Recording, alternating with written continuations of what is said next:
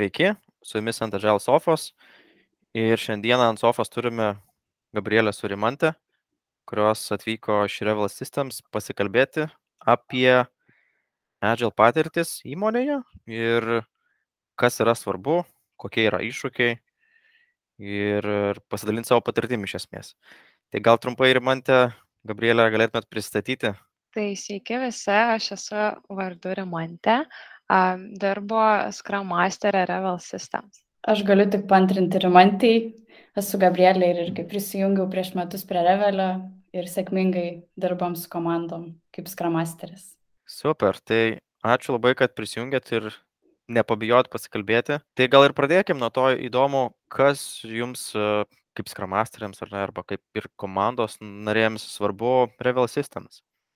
Kodėl Mhm. dirbote Agile ir kokiais būdais? Aš galvoju, gal dar pradžioj galim trumpai ir pristatyti, kas yra tas Revel Systems, ar ne? Tai mes esame uh, Junktinė Amerikos valstybių technologijų kompanija, ar ne, esame išsiplėtusi visame pasaulyje ir kūrėme pardavimų ir valdymo sistemą greito maisto restoranams bei smulkėsiams verslams.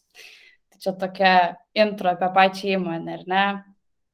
O jeigu kalbėti apie kaip dirbame, tai jau turbūt net niekam nebus naujiena, dirbame pagal Agile, gyvenam ir kvepuojam Agile vertybėm ir principais ir taikom skramą. Tai šitoj vietoj, ką būtų galima galbūt ir papildyti apie pačią kompaniją ar mūsų vertybės, ne?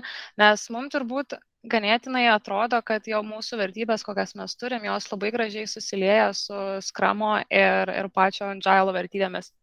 Tai mes skatiname ir kreativity pas save kompanijoje, ir inovacijas, ir uh, mokymas ir atradinėjama naujų dalykų. Tai šitos pusės yra labai smagu, nes visa tai labai gražiai susiraša su Agile ir su Scrumu. Tai net ir smagu tuo ir gyventi, kad tada viskas labai gražiai susilieja. Nuo vertybių organizacijos pačios įmonės, to pačiu ir susimepinot, kokie metodai Agile galėtų padėti jums, jums, tą, jums tą įgyvendinti. Tai girdėjau uh, keletą raktažodžių komandos, komanda. Tai kas jums tose komandose svarbu, į ką jūs fokusuojatės? Tai galima dar iš tikrųjų iš pradžių paminėti, kad e, komandinis darbas yra ypač tinkamas, kai ieškoma nestandartinių sprendimų, kai ieškoma kažkokių naujų, ino, inovatyvių būdų. Ne, tai mes irgi šiuo atveju kūrėme nestandartinį produktą. Taip pat, ar ne, darbas komandose leidžia pažvelgti į situaciją iš skirtingų ir įvairių pusių. Tai Tai tas irgi labai prisideda ir man atrodo, kai žiūrim į, ar ne, agilo vertybės ir principus, tai turime ten, kur individuals and interactions over process and tools, ar ne, turime daug apie tai, ką reiškia um, self-manage komandos. Tai man atrodo, šios vertybės ir principai padiktuoja, kad yra labai svarbu fokusuotis į komandas, ar ne, kai, kai, kai kuriam tuos e, nestandartinius produktus, tai nauda, kurią mes gaunam ar ne, taikant Agile ir Scrumą, tai yra efektyvesnis produktų kūrimas, efektyvesnė kolaboracija tarp komandos narių, narių tarp ne, komandų ir, ir verslo žmonių. Taip pat mums leidžia ar ne išlaikyti transparency tarp komandų, ant ko pastatytas visas skramas, ar ne, jeigu mes esame atviri vien su kitu, tai mes nuolatos galim peržvelgti save, savo procesus, ne, kaip mes dirbame su produktais ir tuo pačiu ir adaptuoti prie esamos situacijos ir su tom žiniom, kurias mes turim. Taip, tai, tai komandinis darbas iš tikrųjų yra labai svarbus dalykas ir e, daugelis net ir sako, ar dirbant vienas ar komandoje, tai net neklausimas turbūt, ar ne, kad padarysi geriau, kokybiškiau ir ilgainiui ir greičiau. Bet turbūt ta paslaptis yra, kad komanda yra susidirbusi, yra high performing teamas ir, siekia rezultatų kartu, atvirai kalbasi apie problemas. Tai kaip jūs, Revelija, bildinat high performing teamus?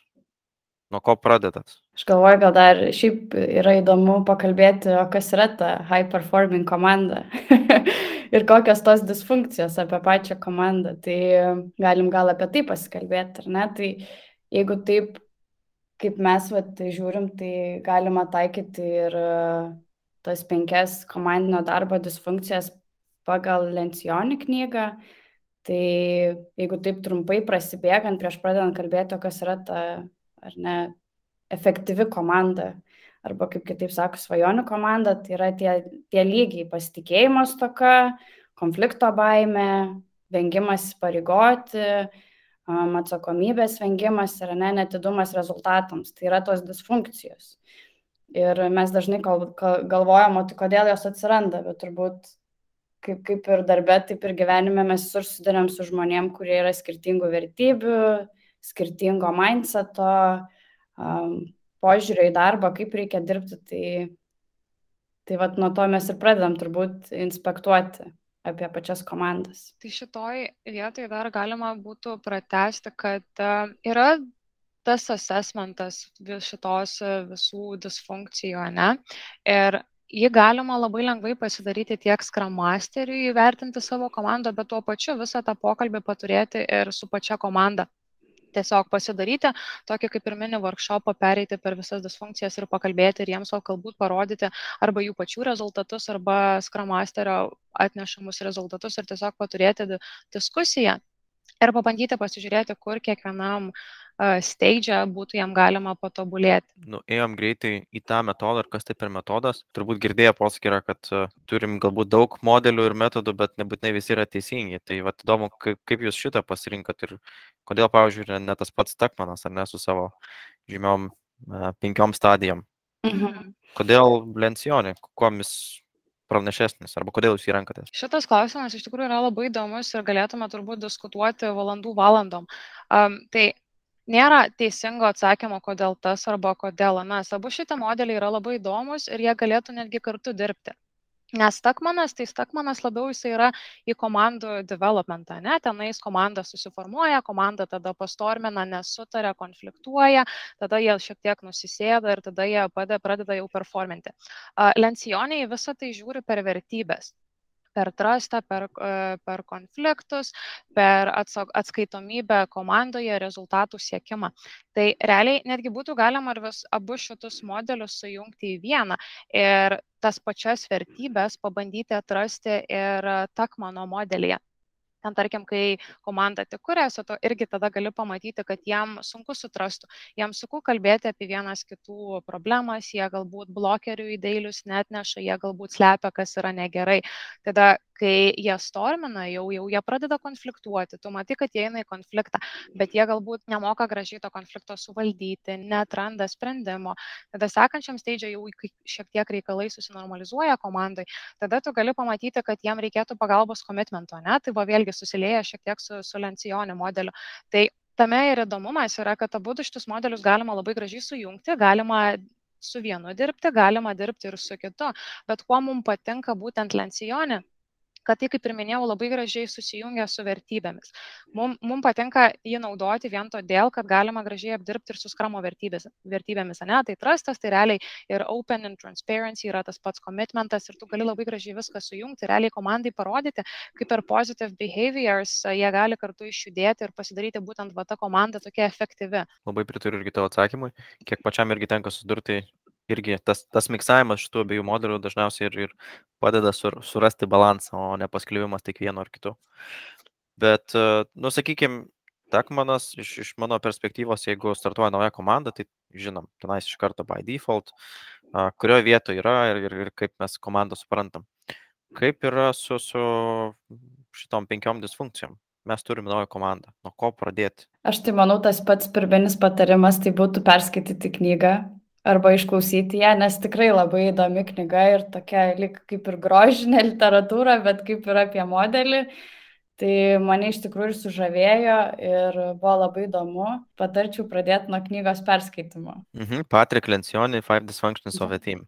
Taip. Man atrodo, net lietuvių kalba yra versta knyga. Ką daryti, jeigu hipotetinis pavyzdys su komanda dirbo aš jau keletą mėnesių ir nenaudojau dar tak mano, nu, kaip pavyzdys kažkas išklausytų ar ne, ir galvoja, atsiprašau, netek mano lencijonį iš tų penkių disfunkcijų.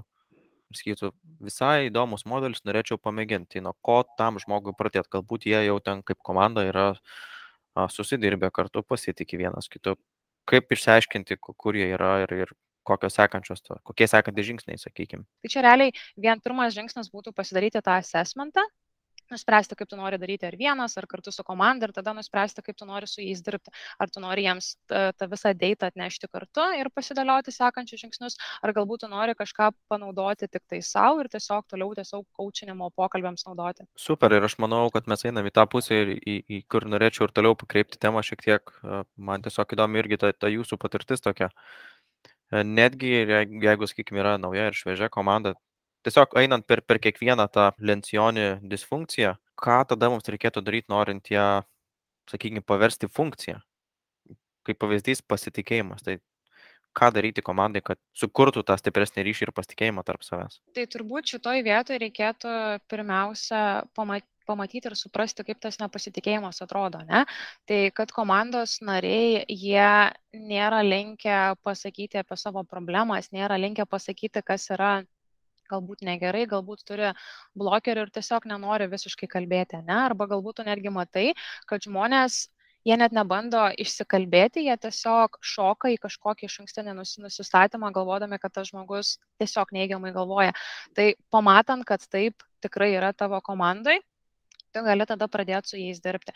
Gali pradžiai greičiausiai reikėtų tiesiog būti pavyzdžių iš savęs, ne, pabandyti atnešti tą patį pasitikėjimą, parodyti, kad tu jais pasitikė, kad jie tikrai yra savo srities profesionalai, kad jie žino, kaip reikia vieną ar kitą dalyką daryti, ne. Galima įvairiausius žaidimus įterpti į workshopus, irgi planingus ir retrospektyvas galima įterpti klausimus, kad tiesiog jie vienas kitą geriau pažintų ten, nežinau, mėgstamiausias filmas, tavo šuniuko vardas iš vaikystės. Tiesiog paprasti klausimai, kur atrodo, jie tokie visiškai paprasti, bet iš tikrųjų padeda vienas kitam geriau mums pažinti ir atsiverti. Ir tuo pačiu pasitikėjimas auga. Taip pat, ką dar būtų galima padaryti, tai savo komandas e, skatinti, kalbėti apie klaidas ir apie nepasisekimus. Jeigu, tarkim, kažkas atsitinka, ką tu pajauti, kad e, žmogus nutylė ir nenori pasakyti, kad jis, kad, kad, kad jis kažko nežino arba yra strigęs, kai developina, tai tiesiog irgi jos paskatinti, kad viskas yra gerai, kad tikrai galima atnešti tas visas visas klaidas, galima ne, ne, nenusisekimus irgi atnešti, nes mes esame komanda ir mes kartu kaip komanda išjudėsim. Mes atrasim kokį sprendimą kartu ir nereikia vienam žmogui uh, būti užstrigusiems. Tai tiesiog apibendrinant, ką, ką tu sakai, kad žmonėms reikia pradžiui pažinti vienas kitą, o tas pažinimas vyksta per žaidimus, Ir visų antra, kam, kam aš irgi labai pritarčiau, kad uh, angliškas žodis yra nebijoti būti vulnerable, man atrodo, lietuviškai pažeidžiamam. Tai mhm atnešti tą savo pažeidžiamumą, pasidalinant savo kažkokiais gyvenimo nutikimais ar įvykiais ar, ar klaidomis darbe ir panašiai. Tai tarkim, mes pasitikim vieni, kitu, vieni kitais, susibildinam komandą, sekantis ar ne yra konfliktavimas. Tai bijojimas konflikto ir konflikto vengimas. Kas čia galėtų padėti atsiverti komandai? Tai man atrodo, Rimantė labai fainai pradėjo nuo to, kad apibriežti, tai kokia yra ta disfunkcija ir kaip jinai apibrėžiama ir ar ne, ką reiškia po to produktyviai konfliktuoti. Tai dažnai sakoma, kad komandos, kurios bijo konflikto, ar ne, tai dažniausiai nuobodžiausių susirinkimuose ar ten susitikimuose, nes kaip ir bijo kalbėti ar išnešti kažkokią problemą, ar ne, sukuria aplinką, kurioje dažnai nukrypstama į asmeniškumus, ar ne, tai konfliktas yra apie komandą ir apie tai, kad mes susitinkam mane inspektuoti savo procesus, savo produktą, bet nekalbėti apie tai, kokie esam asmeniniam gyvenime ir turim kažkokias asmeninės savybės, ar ne? Tai tas ar ne irgi nuveda prie to, kad vengiam ginčytinų temų, ar ne, nesam pagal skramo vertybės atviri kiek vieni kitų idėjoms, tai dažniausiai turim jau nusistačiusi, nu, nusistačiusi požiūrį į komandos kiekvieno nario požiūrį ar ne, ir galvom, kad apskritai tie konfliktai yra kažkoks laiko švaistimas. Ką reiškia, kada komanda produktyviai diskutuojat, ar ne, tai kada iš esmės noriai dalyvauja susitikimuose, noriai atneša problemas, ar ne, supranta, kad e, mes čia ieškom priežasčių ir būdų, kaip galėtume dirbti efektyviau, kas mums padėtų, ar ne, tai kalbam apie tuos, kaip sako, dramblius kambariuose ir norim juos išvalyti lengvai ir viešai keliam problemas, siekdami jos aptarti kartu komandoje. Ką padaryti, kad vat, nebijočiau už atnešti tą konfliktą? Aš, tarkim, manau, kad mano komandos narys neteisingus dalykus daro, ir, bet man nedrąsu pasakyti. Kaip aš čia dabar kaltinsiu kažką. Ką jūs patartumėt? Tai šitoj vietoj um, turbūt reikėtų priminti, kad uh, mes vis tiek turime vienas kitą gerbti. Esame profesionalai ir net neturėtume pereiti per tas ribas, kad jau būtų ne, nemalonu atnešti kažkokius sprendimus. Ir šitoj vietoj Scrum Masterio rolė ir yra tas žmogus, kuris ne tik, kad paskatina vieną pusę, bet tuo pačiu padeda ir suvaldyti tą konfliktą. Jis facilituoja, jisai padeda žmonėms išdėlioti savo mintis, stengtis konstruktyviai išsikalbėti, bet tuo pačiu ir pakalbina ir kitą pusę, kad jie atneštų savo pusę, kad jie nebijotų pasakyti. Mes realiai esam vat, vat tas filtras, kur viską suvaldo ir padam jiem išsikalbėti, kad nebūtų per didelių ginčių, kad tiesiog tas konfliktas būtų produktyvus. Tai mes esam tam, kad mes palaikytume e, visą tą pokalbį, kad tiek vieną pusę iškalbintume, tiek kitą pusę iškalbintume, kad jie e, pasidėliotų, išsisakytų savo mintis, pabandytų suprasti, kad jie visgi apie vieną ar tą pačią problemą kalba tiesiog iš kitų pusių, kad e, jie tiesiog išsikalba ir tada pamato, kas yra negerai ir galbūt jam tai padėtų išeiti iš to konflikto. Taip, super. Aš dar galėčiau tiesiog papildyti galbūt irgi uh, patarimas facilituojant tą konfliktą arba patiems dalyvaujant, tai visai geras modelis yra uh, Ladder of Leadership, jeigu teko susidurt matyti, kur, kur, kur skirtingi lygiai aprašyti, kaip komunikuoti gali netgi tenais konkrečiai darbuotojas su vadovu, bet lygiai taip pat ir komanda galima, kur pirmas paprasčiausias žingsnis, nuo ko pradėti, jeigu va, žmogus mato, kad kažkas vyksta ne taip ir bijo pasakyti, tai gali pradėti iškart nuo antro lygio, ar ne, Ladder of Leadership uh, ir sakyti, pasakyti, ką jisai mato ir paklausti kito žmogaus, o ką kitas žmogus mato. Ta pasakyti, aš galvoju taip ir paklausti, o ką tu galvoji. Ir galiausiai susitarti ties tuo, kad aš norėčiau pasiekti tą, o ką tu norėtum pasiekti. Ir galiausiai mes prieinam ar ne prie rezultatų, išvengiam to konflikto ir suprantam, ar mes abu tą patį norim pasiekti. Galbūt yra abiejų žmonių geros intencijos, bet e, neiškumas, nesusitarimas. Tai čia toksai sait patarimas, kaip iš to išlipti. Važiuojam toliau turime susibendravimą, pasitikim vienas kitu, nebebijom konfliktuoti. Kas seka toliau? Vengimas įsipareigoti. Tai kaip tą įsipareigojimą dabar valdyti? Čia nais irgi, kas man patinka, tai tiesiog apsibriežti, kas yra tas įsipareigojimas. Ne? Tai yra bainas iš visiškai visų komandos narių. Tai šitoj vietoj komitmento nebus, jeigu mes nemokėsim suvaldyti gerai konflikto. Ir komitmentas atsiranda būtent tada, kai visi komandos nariai būna, yra accountable iš savo pusės ir jie nori prie to prisidėti. Tai šitoj vietoj, kas man atrodo labai padėtų kaip ir iš skramasterio pusės, tai irgi pabandyti tai sufacilituoti, pabandyti jiems susidėlioti pros and cons, ne? kad vat, matytų vieno, vieno kažkokio sprendimo, kurie nori judėti, kad susidėlioja, kas tame sprendime būtų gerai, kas negerai, tada yra kitas sprendimas, irgi susidėliojam, kas yra gerai, kas yra ne, negerai ir kad jie tiesiog pasi, pasikalbėtų apie tai ir tada mums padėti jiems atrasti būtent tą vieną bendrą sprendimą, kad tai būtų komitmentas. Ne? Tai irgi tai galima facilituoti, norint atrasti konsensą ir tiesiog klausinėti, galbūt net ir kelis kartus, kiek tu būtum įsipareigojęs va, va šitam variantui, apie ką jūs kalbate, tarkim, nuo vieno iki penkių. Ir kol jie visi atranda bendrą nuomonę, kol prieina prie bendros nuomonės, tiesiog pabandyti taip ir išjudėti kartu su jais. Kas man dar visai patinka, kalbant apie įsipareigojimus, tai galima bandyti dirbti su komanda ir bandyti juos skatinti būti labiau save valdančiomis komandomis. Tiek jas pačias skatinti, kad jie nebijotų prieiti prie, toko, prie to įsipareigojimo, bet tuo pačiu, jeigu, tarkim, yra aplink dirbančių žmonių, kurie labai glaudžiai dirba su komanda, tarkim, kokie nors vadovai, ne? Tai tiesiog ir bandyti dirbti ir su tais vadovais, kad duotų daugiau toms komandoms pačioms save valdyti. Nes tada ateina jų noras save valdyti ir iš to pačiu ateina ir jų įsipareigojimas nes jie mato, kad jie gali daugiau paimti, jie mato, kad gali daugiau nuspręsti ir kad jų yra sprendimas yra visai svarbus. Ir dėl to iš jų tas įsipareigojimas vienas kitam kaip komandai ir tuo pačiu tam pačiam produktui labai, labai gražiai auga.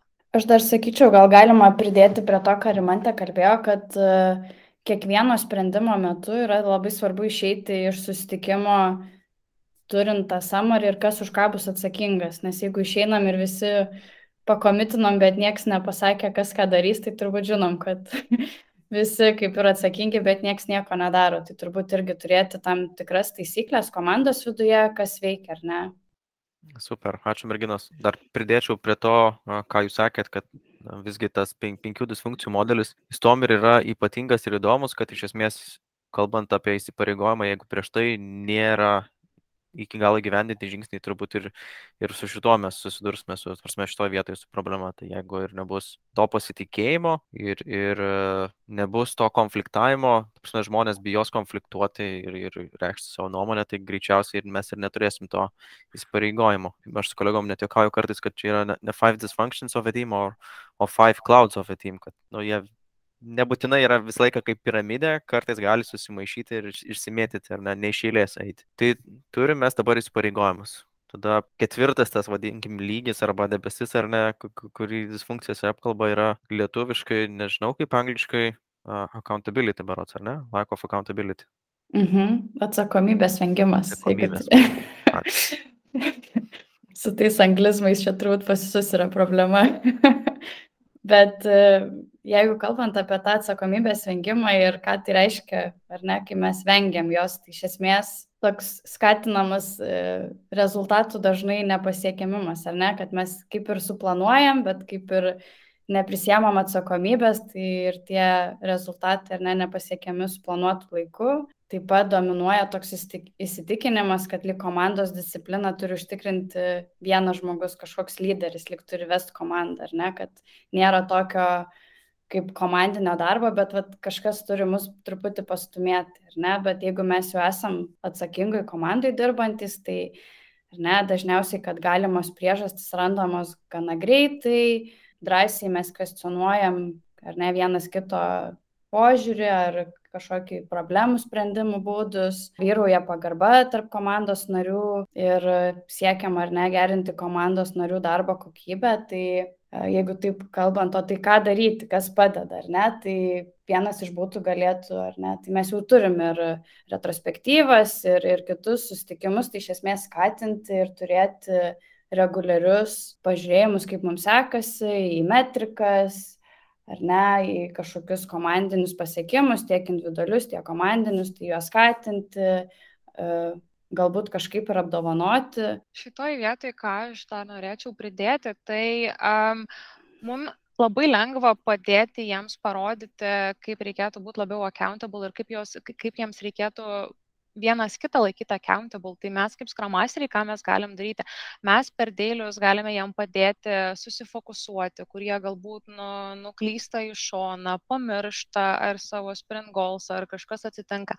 Tai mes jiems galim padėti grįžti atgal į fokusą. Taip, tai aš būčiau tik pridėjęs, bet pati paminėjai, kad Skramas kaip tik ir turi tą vieną labai gerą mechanizmą su savo sprint, sprinto tikslu, sprint goal, kuris, jeigu teisingai įdara ir ne, visi kartu sukūrėm, kaip ir žinom, kad kuriant kartu, o ne kažkam atskirai, jeigu ateina produkto turbūt vadovas ir ar produkto šeimininkas ir vienas sukuria sprinto tikslą ir sako, komandai dabar darysim, tai kažin ar komanda laikys vieną kitą atsakingų, bet jeigu kartu sukursim, tai turbūt ir tas požiūris bus kitoks. Paskutinis tada etapas, ar ne, nesifokusavimas į rezultatus, kaip tada šitoj vietoj, ką jūs galėtumėt patarti? Tai žiūrint į pačią lencijonę piramidę, tai jau tas fokusas į rezultatus, tai jis yra jau pats pats viršus. Tai reikia, kad komanda ir pasitikėtų vieni, vieni kitais, reikia, kad jie ir įsipareigotų tiek produktui, tiek komandai, bet taip pat, kad jie jaustųsi ir atskaitomybę, kad jie būtų accountable vienas kitam. Tai realiai mums tik turint visus šitus, jau tada komandai yra lengva fokusuotis. Tai čia kaip pats ir minėjai, ne, reikia pradėti nuo, nuo pačios ir tiesiog po truputėlį eiti prie to. Tai jau mes, kai matome, kad komanda yra accountable, ane, jau kai jie vienas kitam yra accountable, mums tada yra ganėtinai gal net ir lengva apie, su jais kalbėti apie rezultatus, nes tada jie jais tiki. Jie tiki tais rezultatais ir jie mato tuos rezultatus ir tuos golsus, ką jie patys ir išsikelia, ką tu irgi paminėjai. Tai šitoj vietoj, ką aš manau labai svarbu yra daryti, tai per tuos pačius ir planingus, ne, per tuos pačius planingus komandai padėti išsikelti rezultatus kartu su produkt owneriu, kad tai nebūtų, kad tik produkt owneris atneša, pasako, va čia mūsų toks yra directionas ir, ir va prašau, mes dabar judėkime tenais. Tai šitoje vietoje labai skatinti developerius irgi galbūt atnešti kažką iš techninio backlogo ir kartu formuoti, kad jie matytų tuos golsus būtent tokius, kur jie nori ir judėti. Tai jeigu matome, kad yra neiškumų, komandai tiesiog irgi klausti, ar suprantat, ar, ar, ar, ar, ar, ar kur mes norime judėti, ar galbūt jūs kažką kito norėtumėt pasiūlyti, ar kažkokią galbūt uh, kitą vietą norėtumėt pa, pa, panagrinėti. Ir kartu, ką mes dar galime daryti, tai tiesiog juos skatinti dirbti kartu. Nes jeigu mes matysime, kad komandos nariai yra išsitaškę ir vienas dirba vienur, kitas dirba kitur, tai greičiausiai jie tų bendrų rezultatų ne, nepasieks. Tai šitoje vietoje irgi skatinti juos dirbti kartu, pasiūlyti galbūt ir programinti, gal pasiūlyti ir pasvarminti. Gabrielė irgi labai gerai užsiminė, kad e, labai svarbu yra ir su jais metrikas analizuoti, ne? tai va, visą tą data tiesiog žiūrėti, kur, kur jie juda ties, ties savo rezultatais. Ar tai tarkim burndowntus pasižiūrėti kartu su jais, ar tarkim nežinau, kažkokius irgi kitus trekinimo sistemas, ką jūs turite, kaip jūs trekinat sprint goalsą, ar tiesiog paprastais klausimais, kad kažką užklausti jų, kad jie susikoncentruotų ties savo rezultatais ir jie, žiūrėdami į tas metrikas į data, galėtų matyti, kur jie juda. Um, visai yra smagu netgi ir, tarkim, epikus trekinti, ne, ir kad jie tada matytų, kur jie juda, jeigu kažkas yra on, on, on a bigger scale. Tai bet kokias trekinimo sistemas arba bet kokias metrikas, ką jūs naudojate, tiesiog pabandyti komandai tą atnešti, kad jie matytų, kad tai jiem padeda orientuotis į rezultatus ir gražiau išjudėti. Aš dar papildyčiau, Rimantė, galbūt irgi tą, tą supratimą, kurį aš papildomai turiu, ką tu pasakai, kad ne vien tik tai galbūt reikėtų žiūrėti į užduotis, ar mes jas atliekam, bet turbūt į koks tų užduočių poveikis po to, kai mes jau jas padarėm. Tai iš kitos pusės ne vien tik tai žiūrėti, kad mes turbūt padarėm užduotis laiku, mūsų suplanuoti darbai pabaigti, bet iš tikrųjų tai kaip mes paveikėm savo klientą, kaip mes paveikėm savo produktą, koks čia yra pokytis, tai sakyčiau, dar tai yra svarbu. Ir be abejo, visiems kartu, tik tais visi kartu žiūrint ir, ir e, kaip tu sakai, trekinant tą, tik tais tada mes galim tai pasiekti. Praėjom per visą modelį, sakyčiau, gan detaliai ir aiškiai mano galva, tikiuosi klausytėm patiks.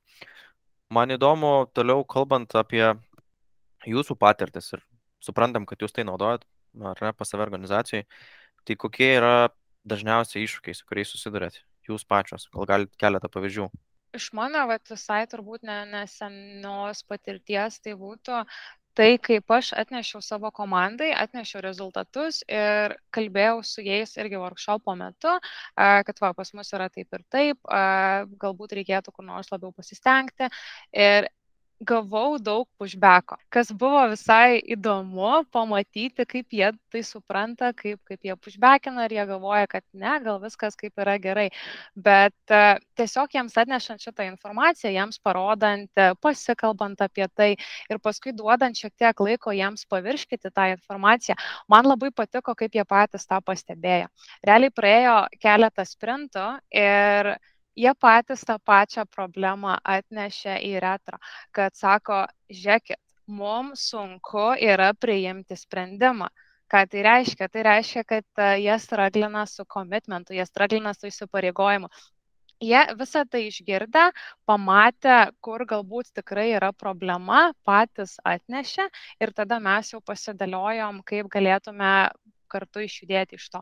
Jiem irgi labai patiko ta idėja pabandyti pasidaryti kažkokią decision matrix, ne, kur galėtų jie pasidėlioti pagal kriteriją, kaip kiekvieną arba kitą optioną susiskirstyti ir išjudėti. Gaunasi pushbackas, ne, pats pirmasis atnešimas gaunasi pushbackas, tada jie pagalvoja, pamasto, pam, atsiranda situacija, kur jie tą supranta ir tada jie patys girdėdami visą tą informaciją atsineša ir jau mes tada kartu su jais išjudam ir parodom, kurie galėtų labiau patobulėti turbūt ta pagrindinė taisyklė yra uh, ir papasakoti apie ką čia ir kodėl mes tą darom, iš esmės tą why ir kokią value mes sukuriam, ar ne, inspektuodami save, kodėl mes taikom šitą ar kitą metodą. Ir jiem iš esmės papasakot, ar ne, daugiau apie tai, kad jie irgi patys gal pasidomėtų. Tada, ar ne, pradėti jau inspektuoti kartu su assessmentais ir tada turbūt tas, ta pradžia būtų lengvesnė, bet ką ir man ir kalbėjo, kad kartais įdomu uh, turėti ir tą tokį iššūkį komandai, ar ne? Tas toks pirmas ne, bet nesustojom, nes tai mums padės ar neaukti. Tai, tai man atrodo, vat, labai geras pavyzdys buvo rimantas toksai apibendrinantis. Mhm. Ir labai, labai kon- konkretus iš, iš karto, ar ne, pamatėt, kurioje vietoje stringat ir, ir koks ga- galimas sprendimas.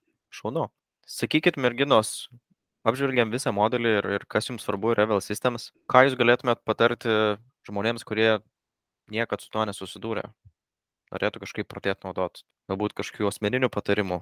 Svarbiausia tiesiog nebijoti ir paimti pabandyti. Nes kol nesufeilinsim, tol nežinosim, kaip mums tai veikia. Ar tai veikia komandai, ar tai neveikia, ar kaip jiems atnešti ir kaip tą pokalbį pradėti su jais. Tai tiesiog paimti, pasiskaityti ir pabandyti ir nebijoti, nes smagu feilinti. Ir man atrodo labai svarbu yra apgalvoti, kaip tą daryti. Jau Rimantė minėjo, kad yra ir assessmentų, ar ne, galima daryti galbūt ir tokiu dialogų pokalbių metu susirinkus kažkokiam kambaryje ar ne pasikalbėti apie tai. Jeigu pradedant nuo trasto, tai turėti kažkokį pratimą, kur pasidalinti savo kažkokiam įdom. Turbūt tų būdų yra daug, tai va atrasti, būti smalsiems ir nebijoti išbandyti. Aš dar pridurčiau irgi iš savo patirties, ką pastebėjau įdomu. Jeigu jau susipažinot patys su modeliu ir norit mėginti taikyti komandoms, tai verta pagalvoti, jeigu suprantat, kurioje vietoje yra komanda arba su kuo straglina, kaip jūs galite asmeniškai padėti komandai katalizuoti, kad jie pamatytų, o mes esam šitoje vietoje, mums šitoje vietoje nesiseka. Panašiai kaip primantė sakė, ne, atėjo ir sakė, kad jums sunku priimti sprendimus, bet jie ne. Tai kaip mes dar galim parodyti, kad jiems sunku priimti sprendimus. Tai siūlyčiau irgi galbūt į šitą pusę pasižiūrėti. Ir pabaigai turbūt galima pasakyti, kad Revel Systems ieško kolegų, ar ne, skram meistrų, kurie galėtų prisijungti ir turbūt su panašiais iššūkiais padėti. Ar kažką norit papildyti merginos? Ieškom kolegos, turim gana didelę skramasterų komandą. Um, ir čia turbūt vėl galima paminėti, ar ne, tą įmo, įmonės vertybinę pusę ir tą atmosferą ir, ir žmonės, su kuriais dirbam, tai iš tikrųjų uh, kiekvieną dieną atsikeliam su šypsena, turim daug iššūkių, uh, turim, kaip minėjau, daug skramasterių, tai kartu ir sprendžiam problemas, ieškom būdų, kaip ką daryti, tai darbas iš ties įdomus. Įmonė tarptautinė, tai turim ir komandos narių ir ne, ne iš Lietuvos, komandos sudarytos kai kurios yra ir dalis Lietuvoje, dalis Amerikoje, dalis kitose pasaulio šalyse, tai daug iššūkių, um, galima aukti kaip profesionalai, tikrai iš ties daug, tai labai laukiam. Ačiū Jums labai dar kartą už tai, kad sutikot, pasikalbėjot, buvo drąsios, man buvo įdomu, sužinojau ir naujų dalykų, įdomios patirtis. Visiems klausytojams norėčiau pasakyti, kad su mumis galite susisiekti kaip visą laiką ant agilesofas.gmail.com arba ant agilesofas.lt mūsų website. Klausykite podcastus, likite su mumis. Ačiū. Ačiū, Simai, viso. Viso.